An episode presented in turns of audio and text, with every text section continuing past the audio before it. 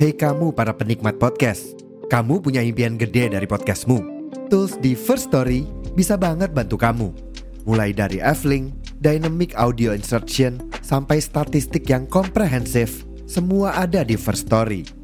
Gak ketinggalan, kamu bisa monetisasi podcastmu lewat iklan dari First Story Ads yang bisa kasih kamu penghasilan dari setiap place podcastmu. Yuk gabung sekarang dengan klik di firststory.me. Sekali lagi, di firststory.me. Mari kita bawa mimpi podcastingmu menjadi kenyataan.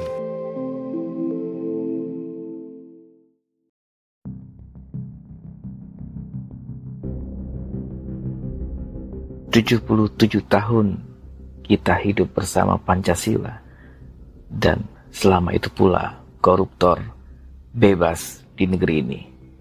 Apakah Pancasila memang melindungi para koruptor? Apakah kita perlu ideologi lain agar negeri ini bebas dari korupsi? Ini sebuah uh, pemikiran yang bisa saja memancing berbagai macam spekulasi, berbagai macam wah. Kita akan bahas soal ini.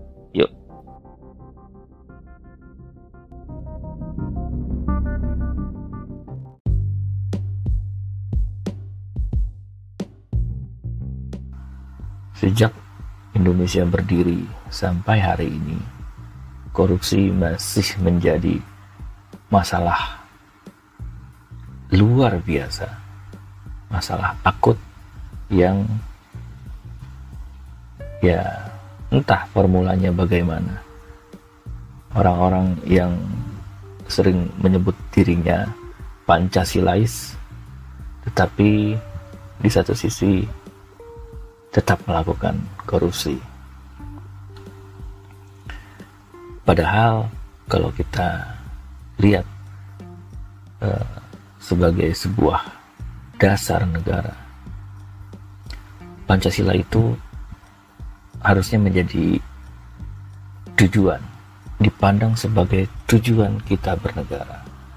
Soekarno menjelaskan itu ketika dia berpidato pada 1 Juni 1945 di sidang BPUPKI tersirat bahwa ini menjadi dasar Pancasila ini dan sekaligus itu menjadi sebuah idealisme, sebuah keinginan lima hal inilah yang harus diwujudkan. Lima hal inilah yang menjadi dasar kita bernegara dan lima hal inilah yang menjadi tujuan kita bernegara. Bagaimana negara ini bisa membawa bangsanya mengalami merasakan lima hal ini.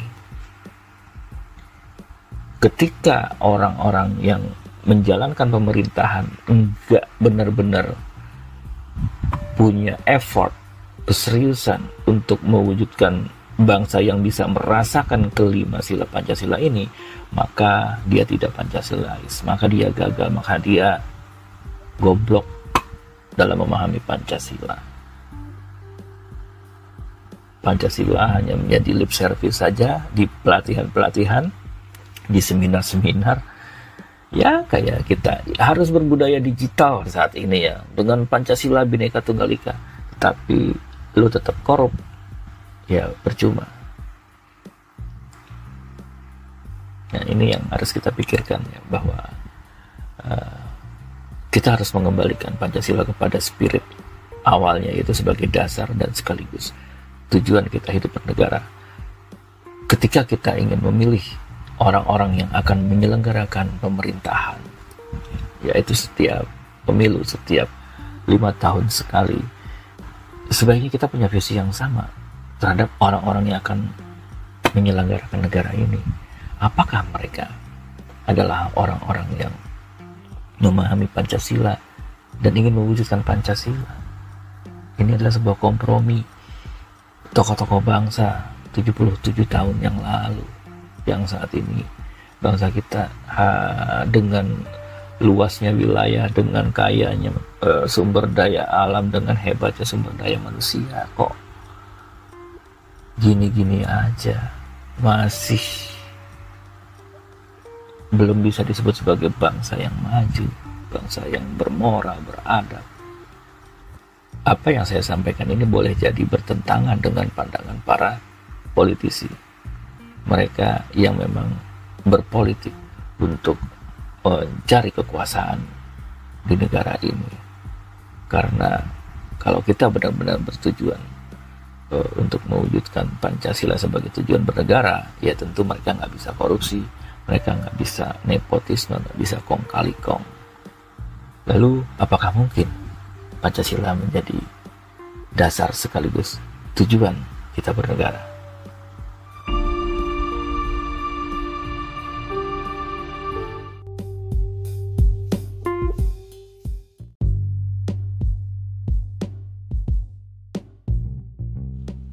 Terima kasih sudah mendengarkan podcast MT.